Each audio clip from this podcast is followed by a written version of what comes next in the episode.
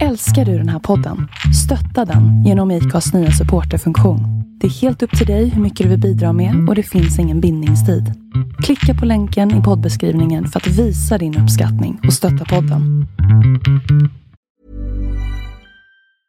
I'm Sandra, and I'm just the professional your small business was looking for. But you didn't hire me because you didn't use LinkedIn jobs. LinkedIn has professionals you can't find anywhere else, including those who aren't actively looking for a new job but might be open to the perfect role, like me. In a given month, over 70% of LinkedIn users don't visit other leading job sites. So if you're not looking on LinkedIn, you'll miss out on great candidates like Sandra. Start hiring professionals like a professional. Post your free job on linkedin.com/people today. Hey, I'm Ryan Reynolds. At Mint Mobile, we like to do the opposite of what Big Wireless does. They charge you a lot, we charge you a little. So naturally, when they announced they'd be raising their prices due to inflation, we decided to deflate our prices due to not hating you. That's right. We're cutting the price of Mint Unlimited from $30 a month to just $15 a month. Give it a try at mintmobile.com slash switch. $45 upfront for three months plus taxes and fees. Promo rate for new customers for limited time. Unlimited more than 40 gigabytes per month. Slows. Full terms at mintmobile.com. Hallå där, jag heter Linda Hörnfeldt och du lyssnar på avsnitt 85 av We Are Influencers, ett podcastsamarbete mellan Influencers of Sweden och Lelinda. I dagens avsnitt så pratar jag med gamern Lilly Klefelt som har spelat spel på PC sedan hon var fyra år gammal. För mig så berättar hon historien om organisationen Female Legend som hon har varit med och grundat och den otroliga resa som de faktiskt har gjort på väldigt kort tid. Såklart så måste jag ju också fråga henne den där klassiska frågan, är e-sport en sport på riktigt? Och liksom hur, hur definierar man en riktig sport? Och så får jag lära mig ett nytt ord, köttsport. Missa inte definitionen av det. Dessutom pratar vi om den hårda miljön som e-sportvärlden kan innebära och vilket motstånd som kvinnliga och icke-binära personer i spelvärlden faktiskt råkar ut för. Det här är ett avsnitt fullt av passion och driv, så håll i hatten. Nu åker vi!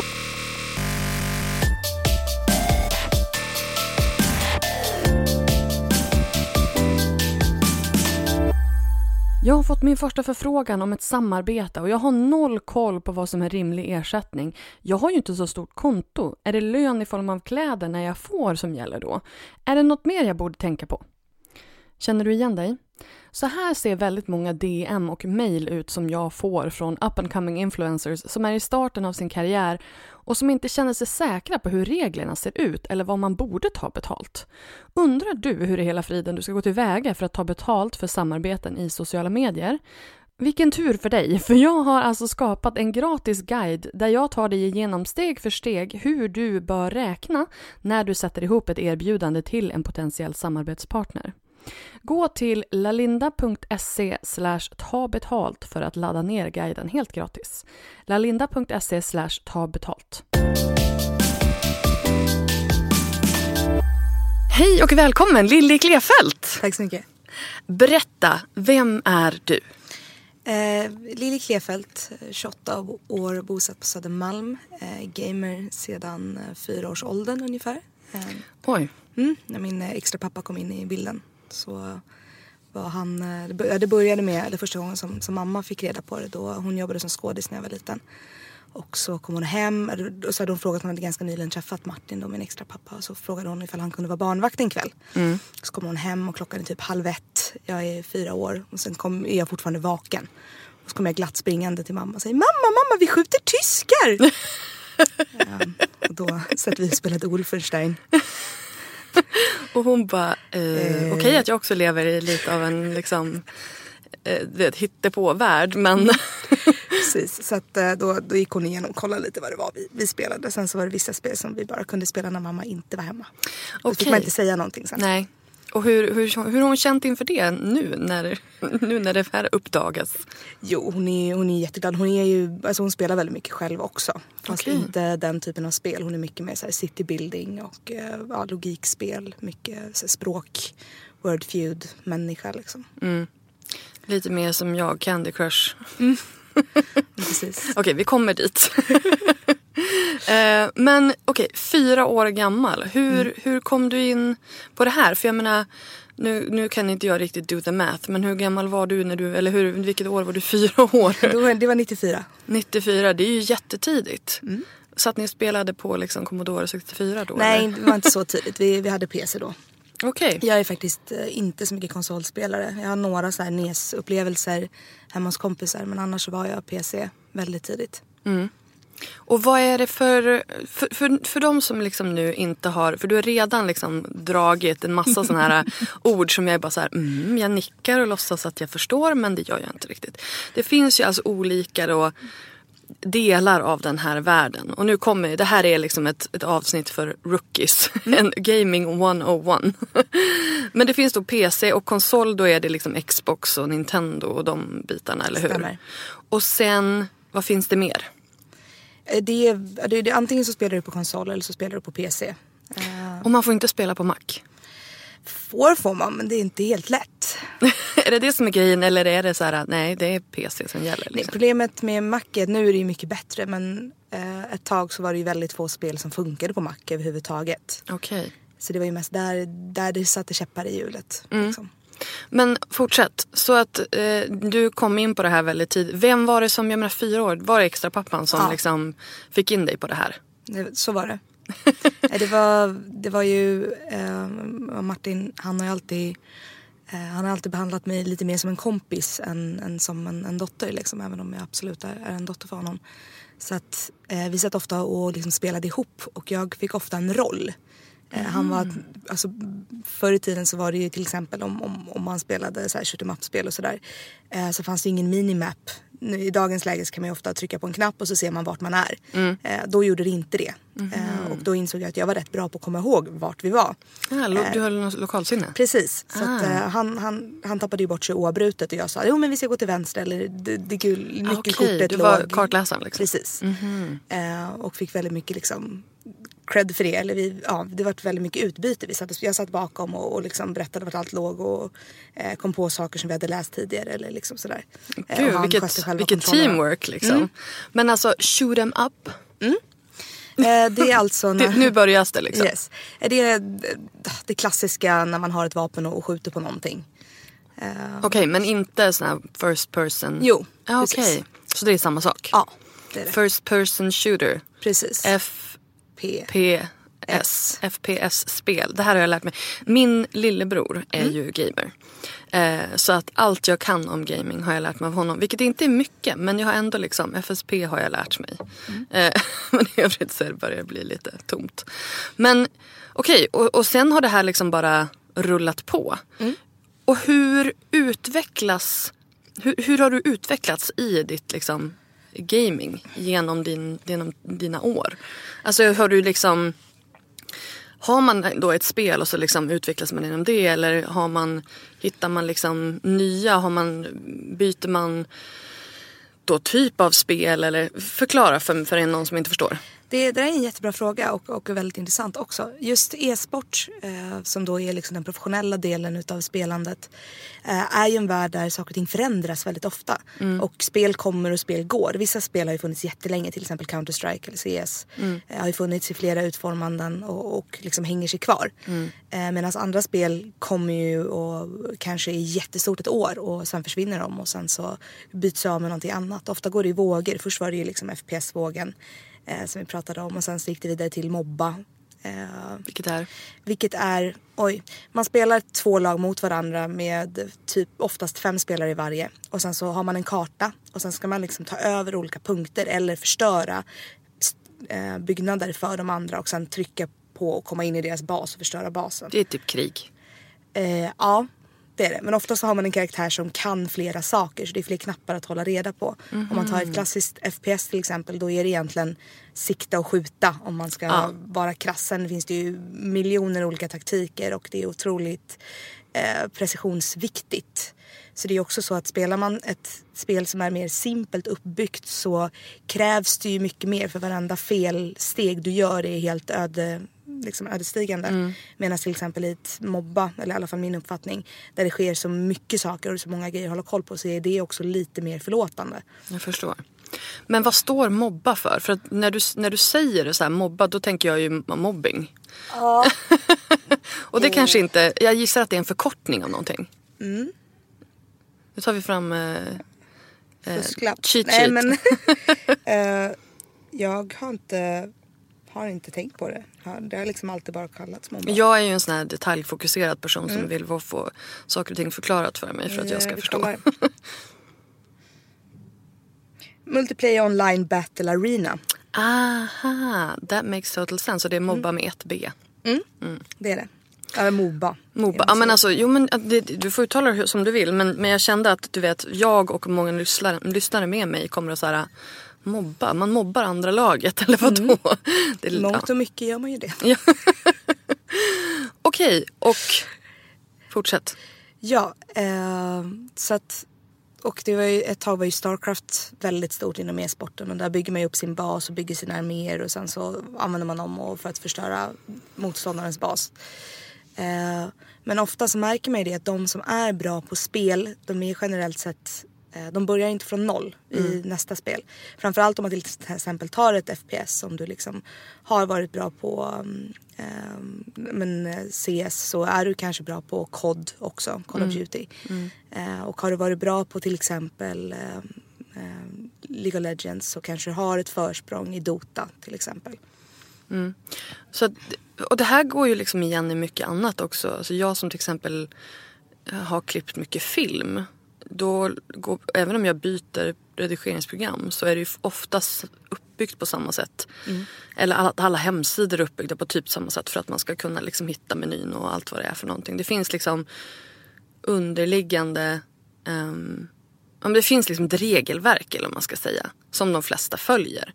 När det gäller då de här olika typerna av spel. Skulle du säga det? Mm, så att Absolut. Då kan man liksom ge sig in på ett nytt spel utan att egentligen börja från, från början. Man förstår liksom ja, victory conditions eller hur man ska lägga upp det eller hur tänket ser ut. Så det är lättare liksom att komma in i det. Men varför tror du att det är, och jag menar det det här är ju liksom den klassiska frågan. Varför tror du att det är så mycket fokus på just strid eller krig eller alltså den typen. För jag menar, first person shooter det är ju liksom en sak och då är det ju så här. Då- jag kan tänka mig att det är mycket spänning, det är mycket liksom, det är lite grann som att titta på en actionfilm fast man är actionhjälten själv. Medans många av de här andra spelen, eh, alltså de här mob- mobba, mobba-spelen, sen nu kan jag, eh, är väldigt strategiska. Och där handlar det liksom om att bygga upp en hel eh, en överblick och många små bitar som ska funka tillsammans. V- vad- v- hur, hur, hur tänker du? Alltså, för, jag menar, jag spelar ju typ Candy Crush. Det är liksom, sådana spel spelar jag som jag, du vet, enkelt förstår, det är inte många steg. Jag spelar sånt för att liksom stänga av hjärnan. Och det finns ju liksom ingen e-sportnivå på det. Men det är ju liksom lite grann för att, som sagt, för att slappna av. Medan jag tänker att många av de här spelen är ju också för att bygga upp. Hur, man liksom, hur man processar information. För mig, jag spelar ju oftast, alltså jag har ju två, två huvudsätt som jag spelar på. Antingen så spelar jag online, alltså e-sport tillsammans med mina kompisar. Eller också sitter jag och spelar något single player-spel, alltså för mig själv. Och då är det ju ofta mer liksom strategi, även om det kan vara ett liksom FPS eller så. Men då, då spelar jag ju mer för att slappna av eller för att rensa hjärnan. Eh, när jag spelar med mina kompisar så, så spelar jag ju för att umgås. Och absolut hela den här tävlingsbiten, att, liksom kunna, att kämpa ihop och vinna ihop tycker jag är jättekul. Sen så har, spelar jag ju inte särskilt eh, seriöst längre för att jag har inte riktigt den tiden att lägga ner. Mm. Och vad, vad, berätta om liksom hur, hur hela den här, var kommer hela den här e-sport, alltså hur, hur gick vi från um, att liksom spela på, på, ja men kanske att man spelar online men att, och att man spelar med kompisar. Men hur har det här blivit ett jobb, vilket ju har blivit för många? Mm. Nej men det är väl så vilken sport som helst. Folk, folk jobbar ju med att spela fotboll, folk jobbar med att liksom spela innebandy, tennis. Det är ju samma, samma grej där. Det som är häftigt med e-sporten är att den är så tillgänglig. Det är så många som har tillgång till, till en dator eller har tillgång till, eh, till spelen och har tillgång att, att spela. Du måste inte köpa en hel ishockeyutrustning liksom och ta dig iväg till eh, ishockeyrinken utan du kan koppla upp det på familjedatorn och köra därifrån. Men det där är ju väldigt spännande för hur, alltså hur det blir en sport. Ehm, och vad, vad skulle du säga, vad är kriterierna för att, för det här är ju, det här är ju ett eh, jättestort eh, en jättestor diskussion. Liksom, vad är det som gör det till en sport? Vissa säger ju så här, ja, att det ska vara fysiskt. Men jag menar om man tittar på skytte eller biljard. Eller, alltså det är ju inte liksom, ja, man gör en sak fysiskt men det är inte speciellt ansträngande. Nej. Fysiskt är ju mer mentalt ansträngande, så golf och sådär. Precis. Jo men eh, jag har ju, jag jobbade ju tidigare för Svenska e-sportförbundet till exempel vars eh, huvudmål just nu är att komma in i Riksidrottsförbundet eh, och få e-sporten att klassas som en precisionsidrott. Ehm, och det jag ser är, är viktigt är ju att eh, det finns så mycket, framförallt barn och ungdomar just nu som inte har något riktigt skyddsnät, som inte kan e-sporta strukturerat och på ett, på ett bra sätt. Vi behöver få in liksom, ungdomsledare, vi behöver få in träningslokaler, vi behöver få in ett, eh, ett, liksom, ett fysiskt tänkt, kanske ett kostschema. Vi behöver få in hur man, hur man jobbar i lag och den biten. Och det, det får vi så mycket gratis om vi blir en del av Riksidrottsförbundet för de har redan stöd för allt det här. Och väldigt, väldigt mycket av vanlig klassisk köttsport eh, går, ju, går ju hand i hand. Köttsport! Först hörde jag 21 och så fick jag försöka få ihop det. Nej, nej, nej. Köttsport. Ja, köttvärlden. E- E-sport och köttsport. Ja, mm, jag, jag är helt med dig. Eh, nej, men det är så mycket som, som, är, som har precis samma typer av uppbyggnad och ja, samma typer av behov. Vad skulle det innebära då om, eh, om e-sporten skulle då accepteras in i Ja, Riksförbundet? men, eh, så här är det just nu. Det är, det är väldigt mycket barn och ungdomar som till exempel inte kan prata med sina föräldrar om, om sitt e-sportande. Och det är väldigt många av de barn och ungdomar som får höra att de egentligen borde göra någonting annat. Att de borde ut och sparka boll eller sådär. Så det är, min uppfattning är att det är många ungdomar som, som går in på sitt rum och så, och så som kopplar de upp sig. Många, många föräldrar tror att de stänger in sig i själva verket så kopplar de upp sig mot alla sina kompisar. Och så går de in och så spelar de en match och sen så kanske de lyckas med något jättebra. Antingen lyckades de göra något tekniskt eh, riktigt bra eller också kom de på taktiken som gjorde att de vann matchen. Eller också var det så att eh, några i laget tappade helt tron på att de kunde vinna men eh, den personen lyckades liksom vända allting och få alla att bli glada igen och, och, och, och testa och så lyckades de vinna. Och, så kommer de, och sen så är det mat och så kommer, kommer den här personen ut och så kan den inte prata med sina föräldrar om det. Fast som egentligen typ har motsvarande vunnit en fotbollsmatch. Precis så. Gjort mål. Ja, eh, och jag tror att det bygger en otrolig frustration. Och jag tror att det bygger en... ja, Jag tror att det gnager ofta i bakhuvudet på, på de här ungdomarna att de egentligen borde göra någonting annat. Så här, pappa vill inte att jag spelar utan pappa vill att jag ska göra någonting annat. Vilket gör att då händer det att de tar ut frustrationen in-game istället mot sina medspelare eller sina motspelare. Och så, det är ju ett ganska hårt klimat online. Eh, och jag tror att en del av det hårda klimatet beror på bristen på vuxna och eh, att barn ser upp till andra barn och att det blir lite flugornas herre utav alltihopa. Mm. Och det är ju många, jag menar jag vet ju när min bror då började spela för väldigt, det är ju slutet på 90-talet. Eh, och då var det ju väldigt så här, ja men det var ju lite så här videovåld-grejen. Eh, att vad kommer att hända med våra barn om de sitter och skjuter på andra människor i det här spelet hela dagarna. Det här har ju du hört garanterat tusen gånger. Men vad händer med barnen när de sitter och skjuter på andra hela dagarna? Händer det någonting? Alltså vad, vad jag har läst om liksom all, alla typer, det finns ingen forskning som tyder på att barn blir våldsamma utav, eh, utav spel. Eh, sen vet jag inte riktigt varför, varför det har blivit så men det har väl varit enkelt. Det känns också som att det mesta liksom bottnar i krig. Det är liksom bottnar med krigsfilmer till exempel eller sådär. Om man kör hela actionfigurdelen eller om man tar alltså miniatyrspel. Eh, liksom de första brädspelen. Det är nästan allting kretsar ju runt krig. Det finns ju liksom en fascination för det här. Ehm, och jag tror också, om jag ska vara sån, att eh, när, när liksom spelen började på det sättet så var det svårt, eller det var, en enkel, det var ett enkelt sätt att göra, göra häftigt. Det var enkelt för folk att relatera. Det var lätt att göra ett, ett spel där man skjuter på andra för att folk förstår vad som händer eftersom de har sett filmen och man har eh, ja, spelat figurspel. Eller det, det, fanns, det var lätt att liksom applicera det på den här otroligt pixliga grafiken och ändå tycka att det var liksom action i det. För det finns ju också ett eh, vinstintresse i det här. Jag menar när man startar ett fotbollslag eller om man startar den typen av... Från början där så finns det ju inget vinstintresse utan då är det ju liksom... Ja men då är det ju pojkar eh, tio år gamla som är ute och sparkar boll. Men i det här fallet så kommer ju också en tredje part in vilket då är ett, ett företag som då ska sälja de här spelen. Och de måste ju också då ha tagit beslut som du säger i liksom vilken typ av spel de tar fram. Och det här är ju också, det här är också en- det som eh, du jobbar mycket med. Du är ju grundare av Female Legend som då är en organisation som vill få in fler tjejer, icke-binära, i, känna sig trygga i, i liksom gamingvärlden. Eh, Var det en, Ja, jättebra- ungefär? jättebra beskrivning. Eh, och jag tänker också att i början, i gamingens början så var det mycket killar. Kan det också ha någonting att göra med då vad det blev för typ av spel? För jag vet att när jag var liten då var det typ så här Sims. Det var väl typ det jag kände att jag kunde ge mig in på för att jag inte ville hålla på med liksom ond bråd död. Nej men absolut. Eh, alltså ska man, ska man vara helt krass så är det ju så att spel har skapats av killar för killar. Och det är klart att det har bidragit till klimatet som, som vi har idag. Vi ser ju också att de spel som har ett eh, inkluderingstänk, om vi tar till exempel Overwatch som är också är ett FPS.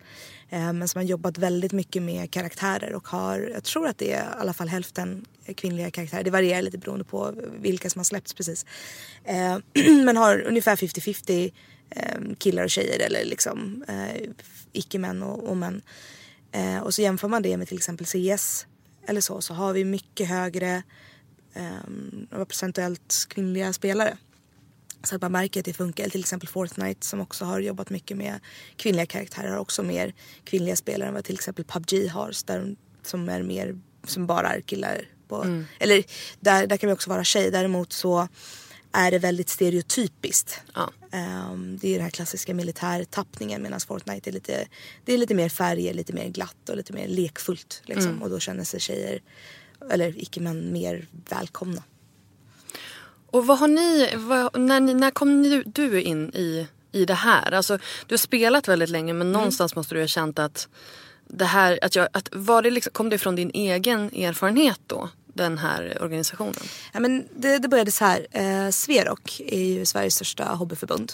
Och de, har väldigt, de, eller de insåg att de hade väldigt mycket e-sportsföreningar som, ehm, som var medlemmar hos dem. Och då kände de att de ville göra en e-sportsatsning så då gjorde de en e-sportsatsning som hette Respect All Compete. Och den gick ut på att det var att hålla massa läger. Och på de här lägren så halva tiden så fick eh, deltagarna spela sin e-sport tillsammans med coacher och bli bättre. Och halva tiden så var det workshops där man pratade om nätkultur och klimat och sådär. Bra Eh, grej. Mm, jättebra grej. Och då, eh, Eh, det de också jobbade med var att de utvecklade en code of conduct för e-sporten. Ja, förhållningsregler, hur, hur man beter sig online. Eh, och den, den har ju blivit väldigt stor och används väldigt mycket i eh, liksom organisationer och även bland företag och sådär som jobbar med e-sport. Men i alla fall, eh, jag och Lisa Lind som är den andra grundaren av Female Legends, vi var på ett läger ehm, för League of Legends eh, och var coacher där. Så vi var där som, som proffs för att lära upp eh, barnen. Eh, och på de här lägren så har man också jobbat väldigt hårt med att ha ungefär 50-50 eh, ja, män och icke-män så att säga. Ehm, och när det här lägret var slut, eller, eller först så, så märkte vi tidigt att det var en helt annan typ av attityd. Eh, vi kunde ju se till exempel att det var en tjej och en kille som var lika duktiga.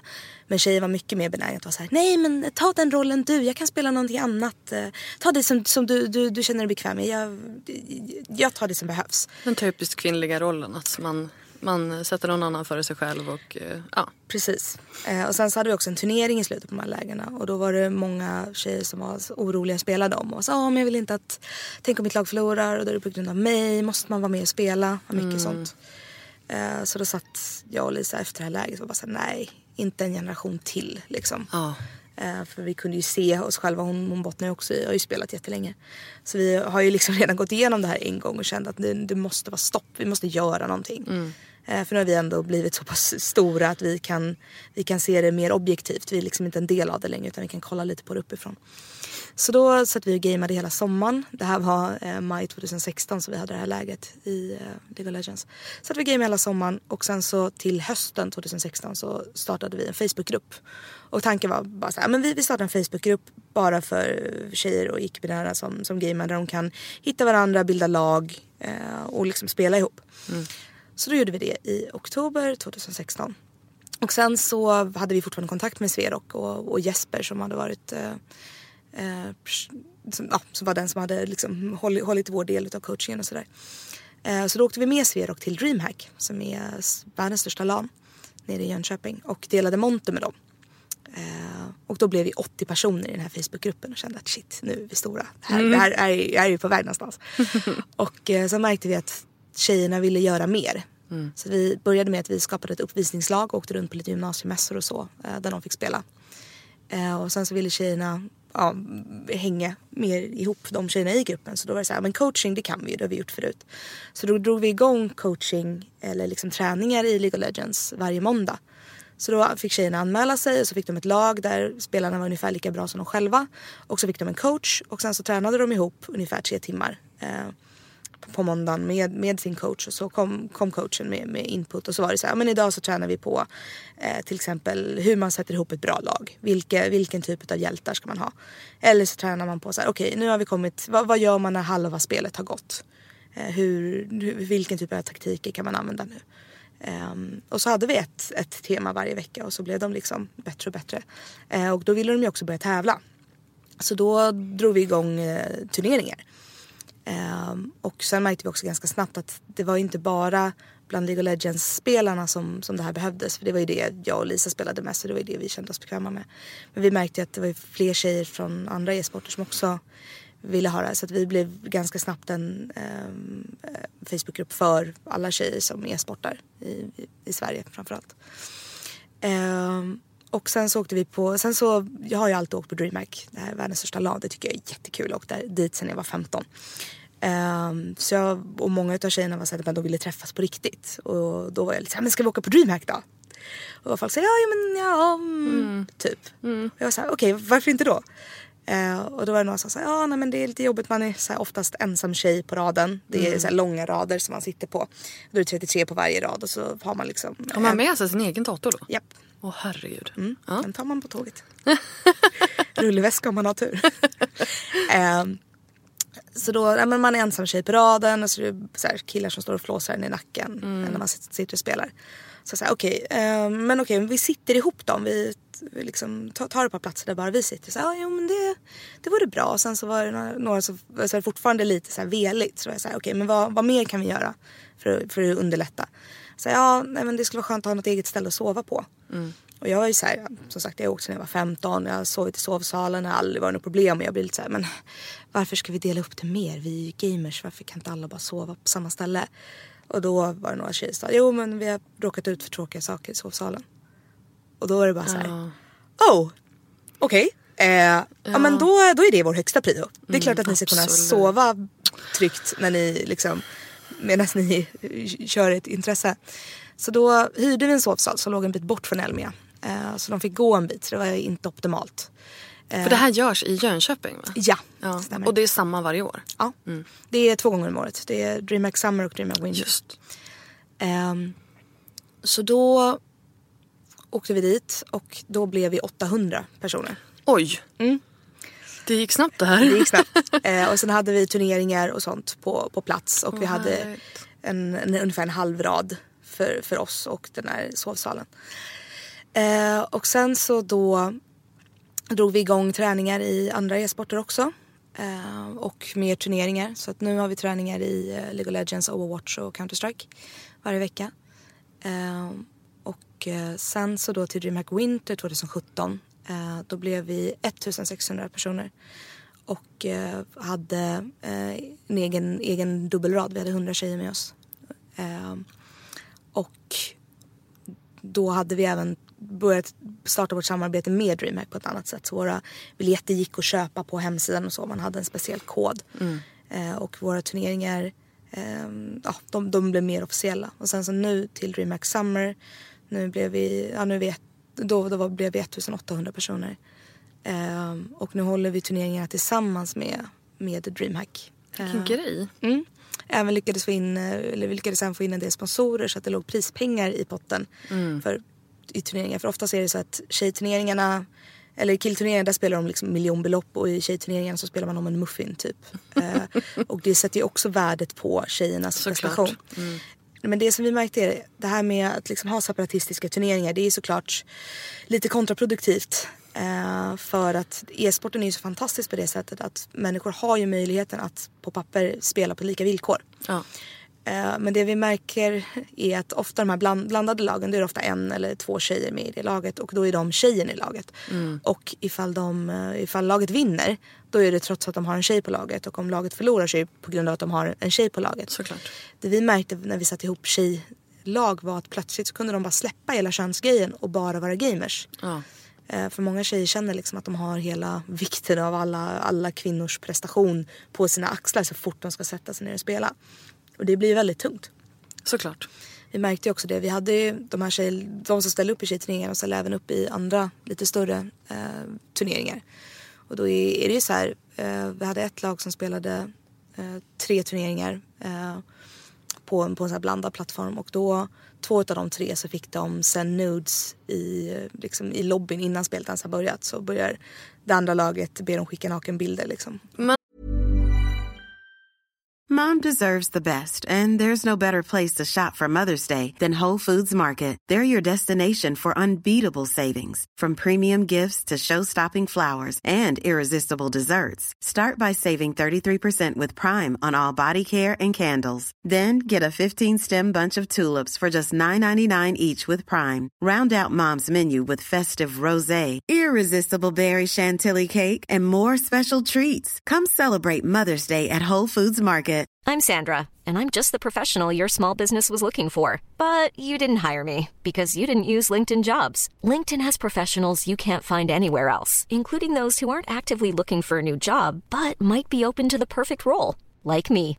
In a given month, over 70% of LinkedIn users don't visit other leading job sites. So if you're not looking on LinkedIn, you'll miss out on great candidates like Sandra. Start hiring professionals like a professional. Post your free job on linkedin.com/people slash people today. Burrow's furniture is built for the way you live. From ensuring easy assembly and disassembly to honoring highly requested new colors for their award-winning seating, they always have their customers in mind. Their modular seating is made out of durable materials to last and grow with you. And with Burrow, you always get fast, free shipping. Get up to 60% off during Burrow's Memorial Day sale at burrow.com slash ACAST. That's burrow.com slash ACAST. burrow.com slash ACAST. Alltså, vad, hur, hur är detta liksom en kultur? Ja, men alltså, för det här, hör ju, man- det här hör man ju hela tiden. Att eh, liksom... Men det är ganska mycket skitsnack. Och det är ganska mycket kvinnohat. Och det är liksom... Varför är det så? Jag tror att det, det handlar om ett, eh, det handlar om, om att det är mest killar där. Och sen, alltså många, många, de flesta killar är inte onda utan de tror att det är humor. Ja. Eh, och sen så blir det ju det här som jag pratar om, hela den här frustrationen att man eldar på. Det blir värre och värre, man ska vara med, mest edgy, man ska liksom vara värst. Man ska vara den som säger de värsta sakerna. Eh, för det är liksom genom form av cred. Ehm, Men hur har det blivit så? Alltså, du vet, det känns ju som att det gick ju snett någonstans. När, när, alltså, att, att, det, att det skulle bli en... Alltså det känns ju som att mobbarna på skolgården de har liksom hamnat här på något vis. Ja, jag tror att det är både och. Jag tror också att det är mång- många av de som blev mobbade på skolgården är de som började spela. I alla fall tidigare. Och då Eh, tog de ut det liksom. Eller alltså visst inte alla såklart. Men då, då kände vissa att nu är det min tur att ge igen. Ja. Nej, men det som jag, en attityd som jag har känt av rätt många gånger det är så här att många killar tycker att det är deras space. Och så kan de bli lite irriterade när tjejer kommer in och vara lite så här, men kan ni inte fixa ert eget space? Eh, och många har ju den storyn att de kanske inte passade så bra in i skolan eller inte liksom funkade så bra i de sociala sammanhangen. Och sen kom de hem och sen satte de sig och gameade. Eh, Så blir de inte nervösa för att tjejerna är med. För att de alltid kanske har varit. Det kanske någon brud som har varit otrevlig mot dem någon gång. När de en gång har liksom vågat, vågat sig på att säga att de är intresserade. Jo men precis, lite, lite den feelingen jag har fått. Och det som de inte fattar det är att det här är min story. Jag menar det var jag som inte passade in. Precis på samma sätt som dem. Och jag menar det här är ju inte en könsgrej. Det här är ju, alltså jag menar jag kan ju ofta känna att jag har mycket mer gemensamt med en annan, annan gamer än vad jag har med en annan kvinna. Eller liksom, jag menar jag är ju inte mitt kön. Jag har ju så, det handlar ju om vad man har för intressen och liksom om vem man är som person. Ja.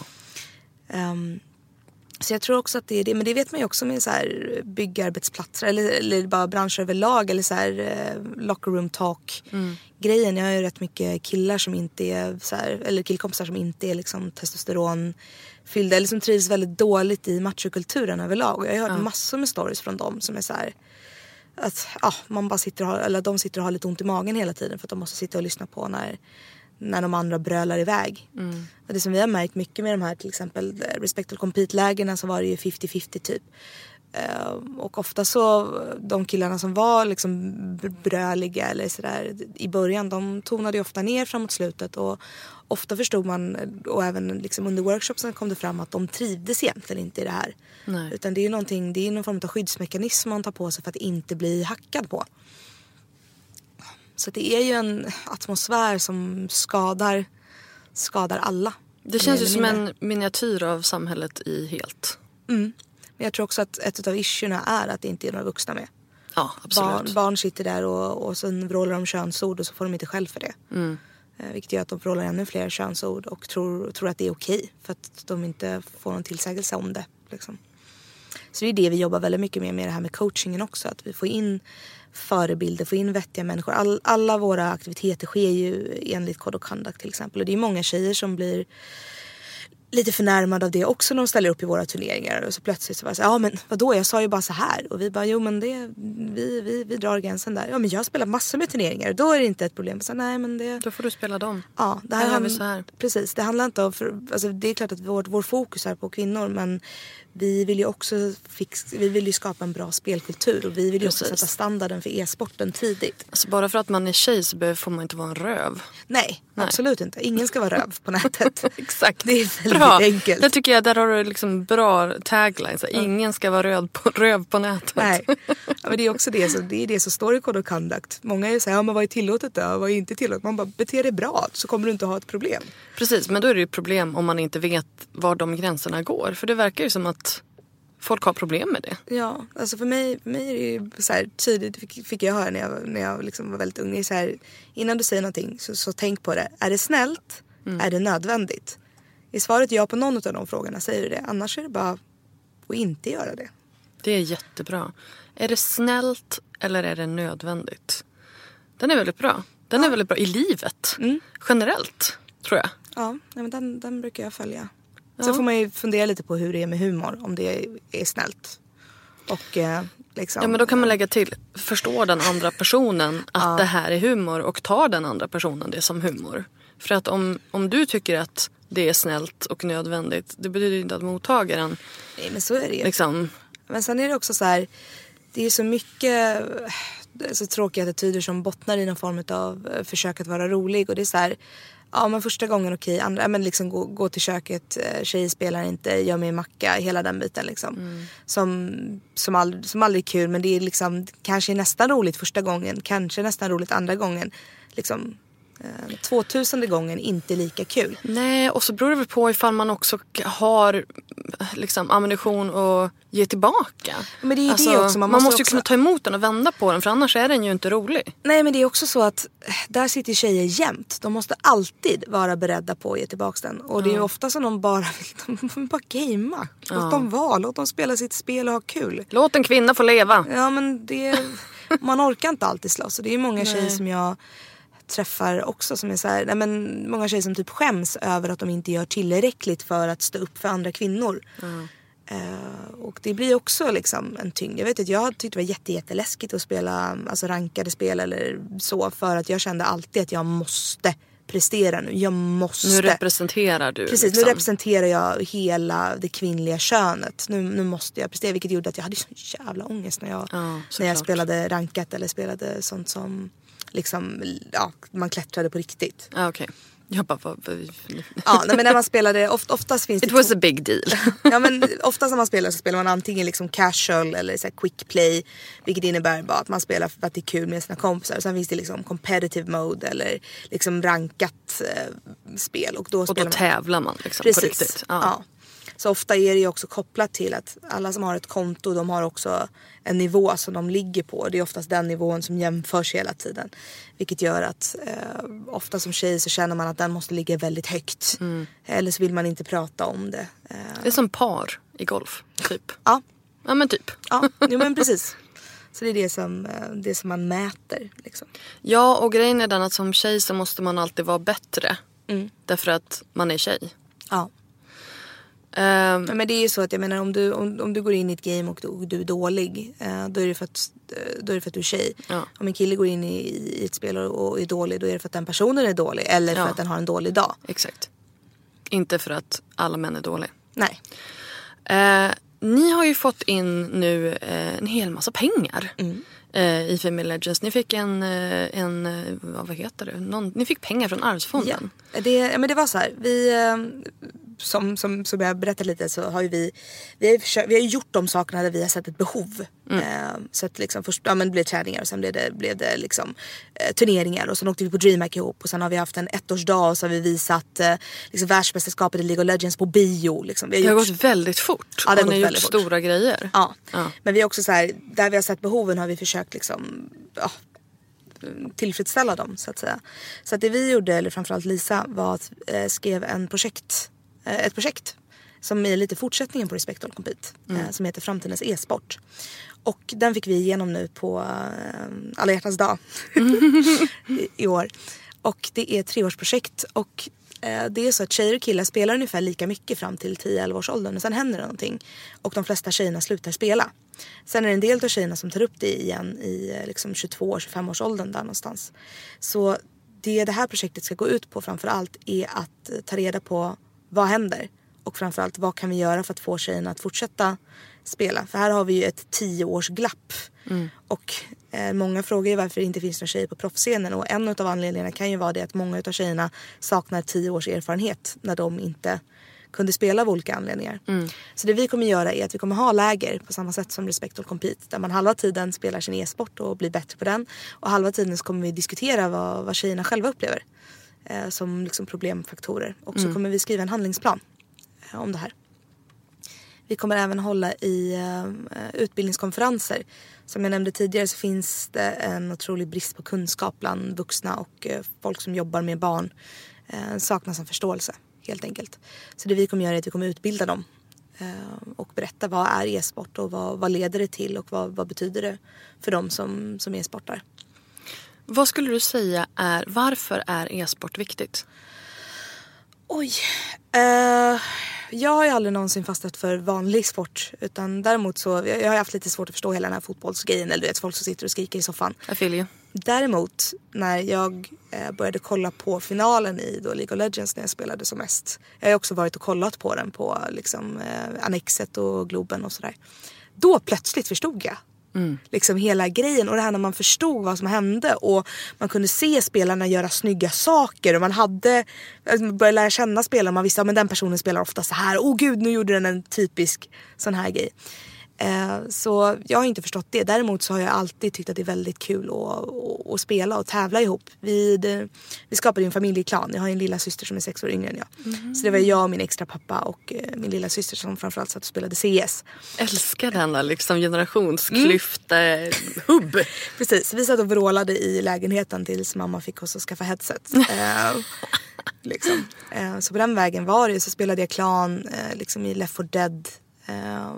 Och sen så började jag ju spela League of Legends. Så att för mig handlar det ju om att, men dels det här tävlingsmomentet och den här pulsen och det här med teamwork. Jag och min eh, man vi spelar ju väldigt mycket ihop och då sitter vi ju liksom en meter ifrån varandra. Eh, och vi är ju väldigt, vi har ju väldigt bra teamwork och vet ju precis, man kan lita på den andra, man vet precis vad, vart den är eller vad den kommer att göra. Eh, men det jag också har märkt mycket till exempel i arbetslivet är att jag jobbade på science fiction-bokhandeln i Gamla stan i eh, 5-6 år. Slutade nu i våras eftersom jag fick, fick mitt jobb. eh, men där märkte jag ganska snabbt att jag hade ofta lättare att jobba med andra människor som spelade. eh, när det gällde liksom att strukturera upp saker. Där är Mm. det mycket så här, flytta hyllor eller man ska bygga monter på GameX eller vi ska sortera om. Och då, de som spelade det var så här: okej vi kan flytta den dit, den, den får plats där och då kan vi flytta den, den, bam, bam, bam, bam, bam, bam, go! Liksom. Det fanns ett, men det fanns också ett sätt att kommunicera på som var väldigt så här. Eh, för när du spelar e-sport så går det väldigt fort och du måste kommunicera väldigt mycket information på väldigt kort tid. Vilket gör att du har ett väldigt ett inarbetat rakt sätt att kommunicera på. Så att ofta så sa man, sa man instruktioner liksom. Vi gör så här bam, bam, bam, bam, bam. Och så var alla igång de som spelade. De andra stod kvar en stund och bara eh, Vad var det precis som hände? Precis, vad, men hur, hur tänkte ni med det här? Du vet.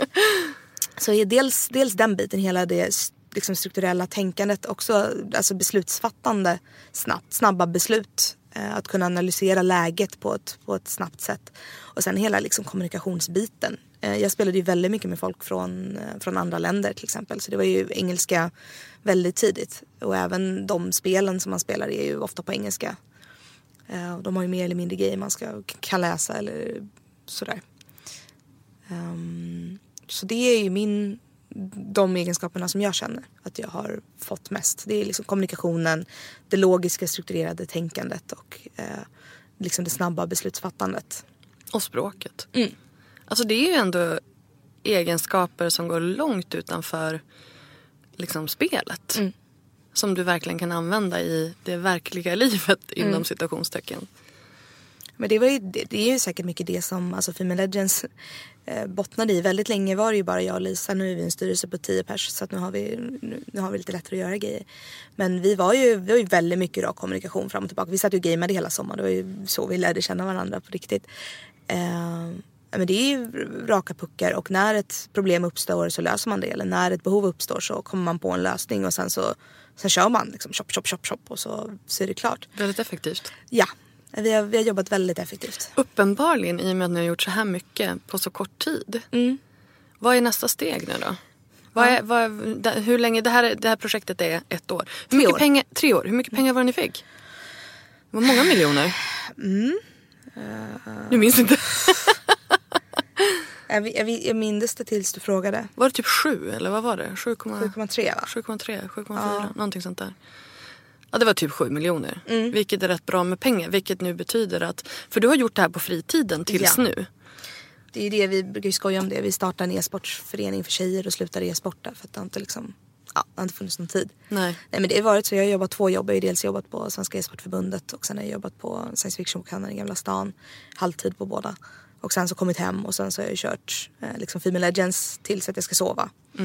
Och det är också det i min hela det här effektiva. Vi har inte riktigt haft möjlighet att stanna upp och blicka tillbaka. Utan det har ju bara varit bara varit full rulle framåt. Så att nu det här halvåret så kommer vi inte göra så mycket mer saker utan vi kommer stabilisera upp det vi har.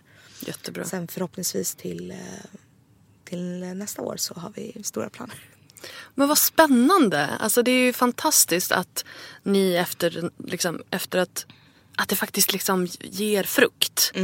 Eh, efter, det, var ju- är väldigt mycket hårt jobb men nu kommer pengarna. Nu, Ja, det kommer, var nu ju- kan ni göra det här. Ja det var ju liksom. aldrig planen. Utan det var ju bara det här Vad måste... var planen? Planen var ju att göra en liten Facebookgrupp för tjejer. jo men när ni insåg att fan det här tog ju fart.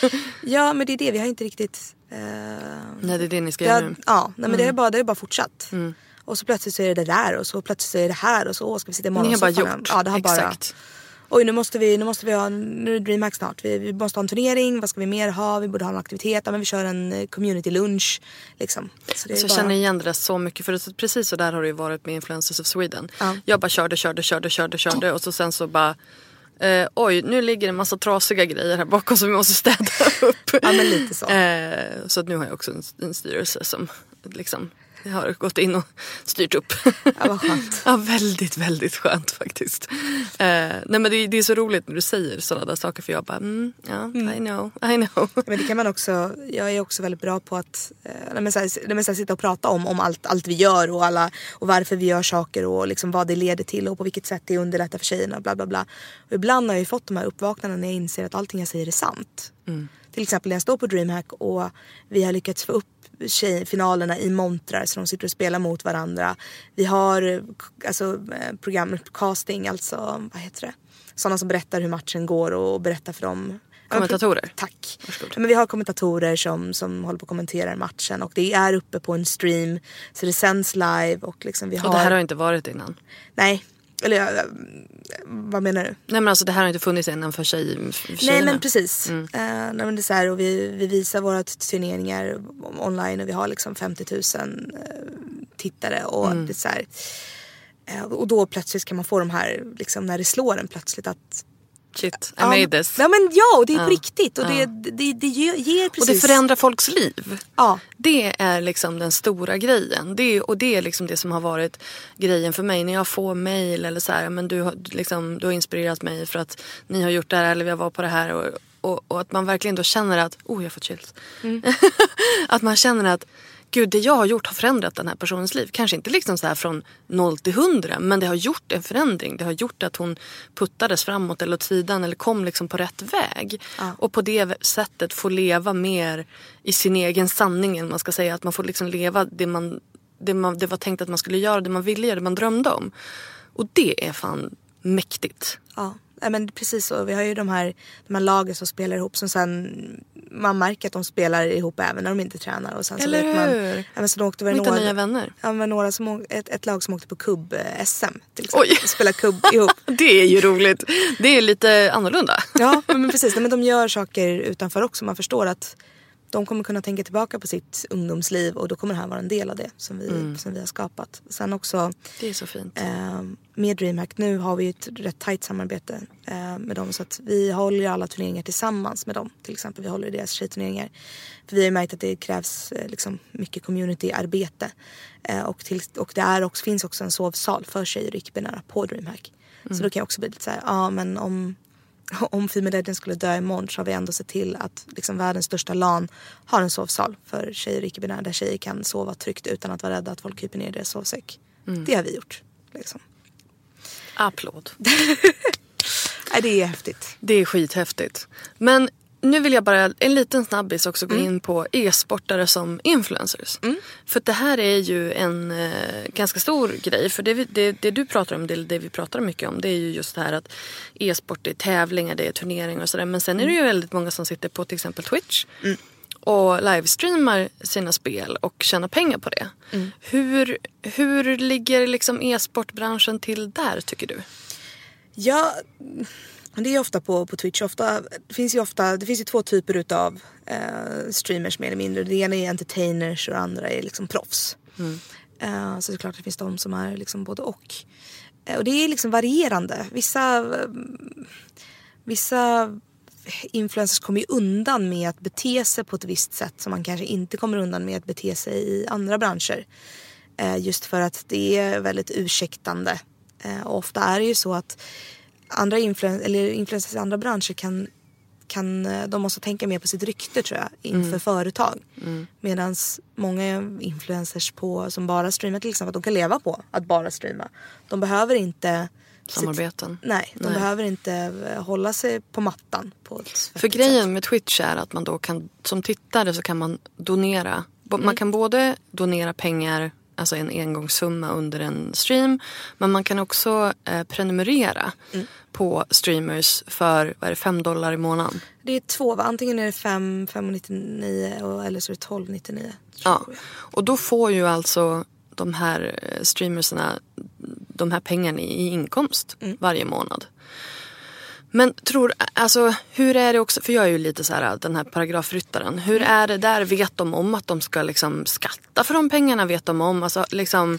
Det är varierande men det pratas rätt mycket om, eh, om liksom, eh, skattning och så. Det är också lite roligt i, i vår grupp. Eh, vi är ju framförallt en Facebookgrupp. Och där i många andra e-sportgrupper man hänger så är det lite så här, någon lägger upp en bild så här, "Ha, titta vad bra jag spelade. I vår grupp är det ofta så här, hej vi söker lag, har det här och det här och det här, letar efter det här och det här och det här. Eller så här, ja jag vill köpa en ny dator, vad har ni för tips, den ska klara de här, de här eh, spelen. Men även så där, hur, hur, ska man, hur ska man skatta på Twitch? Vilket också är lite roligt för vi har rätt mycket eh, proffs i vårt, och influencers i vår grupp. Eh, och då är det också så här, då är det nå- någon som inte är, är så stor ännu som lägger upp så här en fråga. Okej men nu, hur ska jag nu skatta? Är det någon som har koll på det här med, med, med liksom, eh, skatt och, och Twitch och så? Eh, och då svarar en av liksom, eh, Sveriges främsta e-sportare och streamers. Liksom, så här, ja, men jag har blykoll, det PMar mig. Liksom. Och det är också så häftigt att man kan, att man kan liksom göra världen lite närmare för de här människorna. Eh, men som svar på din fråga så tror jag att det är, mycket varierande. Eh, vissa, vissa är jätteduktiga och vissa är nog inte det. Nej, men det är som generellt i hela branschen. Men hur ser du liksom att det, att det eh, när det gäller just företagssamarbeten i bland streamers, är det någonting som, är det vanligt? Är det någonting som är på gång? Vad, Ja, men absolut, det är vanligt. Men oftast så, oftast så marknadsför de ju hårdvara. Oftast är det ju så här, ja, men vilket headset de har på sig eller vilket grafikkort de kör med. Eller... för League of Legends behöver inte köpa streamers. Nej, precis. Ja, nej men det är ju inte spelen som, som sponsrar dem. Nej. Däremot kan det ju vara så till exempel att ehm, till exempel Overwatch League nu. eh, där är det ju um, Queenie, eller Emily, är ju ehm, lag, oj, svenska lagledaren och, eh, och sådär. Och hon är ju också en gammal, eh, nej men en gammal, gammal Star, Starcraft-proffs och eh, eh, har, varit med väldigt länge. Och eh, där så är det ju Overwatch eller Blizzard som har hört av sig till henne. Liksom. Så det, det är klart att det kan ju leda till jobb för företagen men de sponsrar inte enskilda streamers. Nej. Liksom. Jag förstår. Men det här är ändå någonting som, alltså, som man som eh, streamer kan lägga till på sin lista av inkomster. Mm, absolut, om du, om du, du kan ju bli någon form av spelprofil för de här företagen. Men vad skulle du säga då är liksom ditt råd till streamers som vill bli ambassadörer för olika typer av produkter eller saker? Är det någonting som man borde sträva efter eller finns det bättre sätt att eh, tjäna pengar? Alltså det absolut viktigaste är ju att, ehm, att, att, att vara true to yourself. Liksom. Att det inte är uppenbart att, att du har fått massa pengar för att, eh, för att säga vissa saker. Utan då, då slutar ju tittarna eh, slutar ju tittarna att tro på dig och eh, du förlorar ju liksom credibility. Eh, så det gäller ju att hitta en, en bra nivå och använda de produkter och sånt som man trivs med. Eh, Sen när man kan få betalt för det så är det en plus i kanten. Liksom. ja, precis. Jo men så är det och så är det ju liksom i, för andra, andra branscher för influencers också. Att trovärdigheten är ju allra först. Men sen så måste man ju också liksom, alltså annonsmärkning och att man måste säga att det är reklam och sådär. Så, eh, så att tydlig måste man ju vara i vilket fall som helst. Fortsätt. Ehm, nej, men jag tror att det är klart att den, den sponsringen är, är, är ju bra men jag tror också att på, på Twitch har du ju en möjlighet, om, om du är streamer, då har du ju möjlighet att, att liksom livnära dig utanpå, utan, utan samarbeten. Uh, och sen så jag menar ju större du blir desto större samarbeten kan du ju ha och då kan du ju också ta betalt för det på ett helt annat sätt. Sen är det ju mycket sådär, eh, uh, e-sporten är ju, om, om vi tar e-sporten igen så är det, alltså sponsringen som den ser ut just nu för de flesta e-sportlag är att organisationen typ står för en, eh, en lagtröja och kanske resor till något LAN. Eh, så det finns inte jättemycket eh, pengar att hämta på, på annat än riktiga, riktiga i elitnivån. Liksom. Det verkar ju också som att sponsring inom e-sport ser mer ut som sponsring inom vanlig, annan sport, inte vanlig sport, annan sport. Alltså just det här att, att ehm, men man får pengar eh, till att ja, men till exempel åka på en resa eller att man får prylarna eller någonting sånt. Och det kanske inte är, är snarare som, som typ en lön. Eller att man får för per, per stream. Eller att man, att man jobbar inte med liksom inlägg eller exponering på samma sätt som eh, kanske lifestyle influencers till exempel.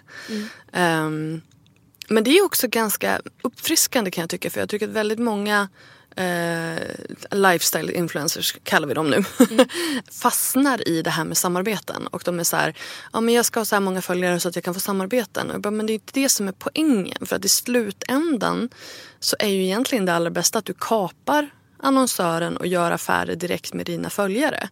För att annars, blir annars får du två kunder som du behöver ta hand om. Liksom. Och där har ju streamers redan gjort det. De har ju aldrig inblandat in annonsörer utan att de har ju bara den här direktkontakten med sina följare istället. I mångt och mycket är det ju så. Men hur blir man då en bra streamer?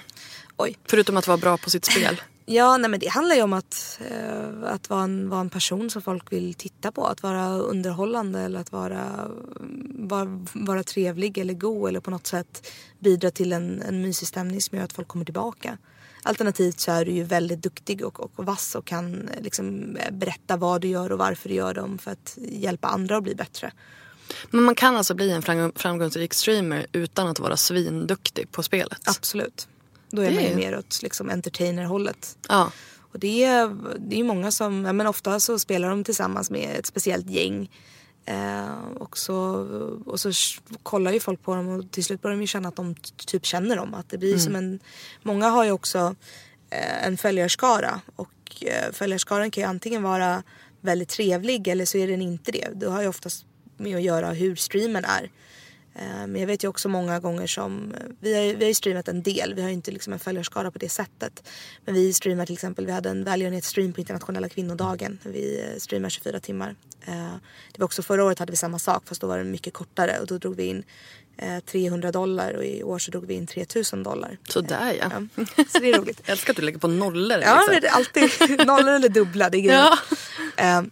Eh, nej men då kan det också vara så här ibland när man jobbar med streamers kan det vara så här, nej men jag, jag säger till mina, mina följare att komma in. Den här, den här chatten är alldeles för, för, för liksom deppig eller det är för, för toxic. Och så kan man liksom se när en viss persons följare kommer in och allting lyfter och så blir det liksom en helt annan typ av Härligt. ja, dynamik. Jag tyckte om det du sa också i en intervju att eh, ehm, folk som trashtalkar blir mindre bra. Mm, absolut. Det är ju också härligt för det finns ju statistik på det. Uh, framförallt Riot har jobbat med, med den typen av statistik. Att folk som, folk som ja, trashtalkar eller beter sig illa, jag kommer inte ihåg hur många procent det är, men de, det finns statistik som visar att de förlorar fler games. Liksom. Och det handlar ju om att när man blir upprörd så har man ju mindre fokus på spelet. Och det är också så att när du spelar, du kan aldrig någonsin påverka någon annans spel än dig själv. Om du inte sitter och pratar med folk på, på ditt lag. Eh, Så det är där du måste fokusera, fokusera din energi så att säga. Ofta för mig när jag möter folk som, som, som inte, antingen som, som inte är mm, duktiga eller som liksom folk som jag stör mig på på ett eller annat sätt. Det är bara att tänka att de är, att de inte är riktiga människor utan tänka att de är, att de är liksom en bot eller att de är en, en, en dator egentligen. Att bara, bara känna att man, det är någonting annat. Nu ska jag Precis. fokusera på mitt Låt det eget. vara. Bara Ja. låt det vara. Du kan ändå inte förändra det liksom. Nej. Du kan förändra hur du själv eh, reagerar på andra, på Ja. andra men inte hur de faktiskt agerar. Nej men precis. Och då är det många som blir också hemmablinda och extra hemmablinda när man hänger upp sig på hur någon annan spelar hela tiden. Så fokusera helt enkelt på det du själv gör bra. Ja, Ja. precis. Och sen så muta. Alltså ifall folk håller på att snacka skit så ja, mute-knappen är jättebra. Den gör så att de, man inte ser vad de skriver eller hör vad de, vad de säger. Men utmärkt. Jag skulle önska att jag kunde använda den i verkliga ja, livet men också eller hur? ibland. Talk to the hand. Tack snälla Lilly för att du kom hit. Det här var en väldigt eh, liksom, upplyftande och eh, undervisande timme. Vad roligt. Ja. Vårt, jag tänkte bara, så här, vårt, eh, alltså Women Legends ultimata mål, vi vill ju inte ha en uppdelad e-sport egentligen. Utan vårt ultimata mål är ju att inte behövas. Och det är det vi strävar mot. Och var hittar man dig och er någonstans? Eh, man hittar oss på femalelegends.com. Mm. Sen hittar man oss på Facebook slash femalelegends.se. Vi har ju både en page och en grupp. I gruppen kommer bara tjejer och icke-binära in. Däremot på pagen så står det ju allt vi gör. Vi finns på Instagram också som femalelegends.se tror jag. Och på Twitter. Och var hittar man dig någonstans? Eh, mig hittar man på Facebook. Eh, Man hittar mig på eller ja, in, Instagram och Twitter. Hänger inte jättemycket där. Eh, utan mest, mest Facebook. Eh, Men Lilly Klefelt heter jag. Man kan också mejla mig på lilly.femalelegends.com. Eh, och allt det där finns ju på vår hemsida också. Toppen. Tack snälla för att du var med. Tack själv.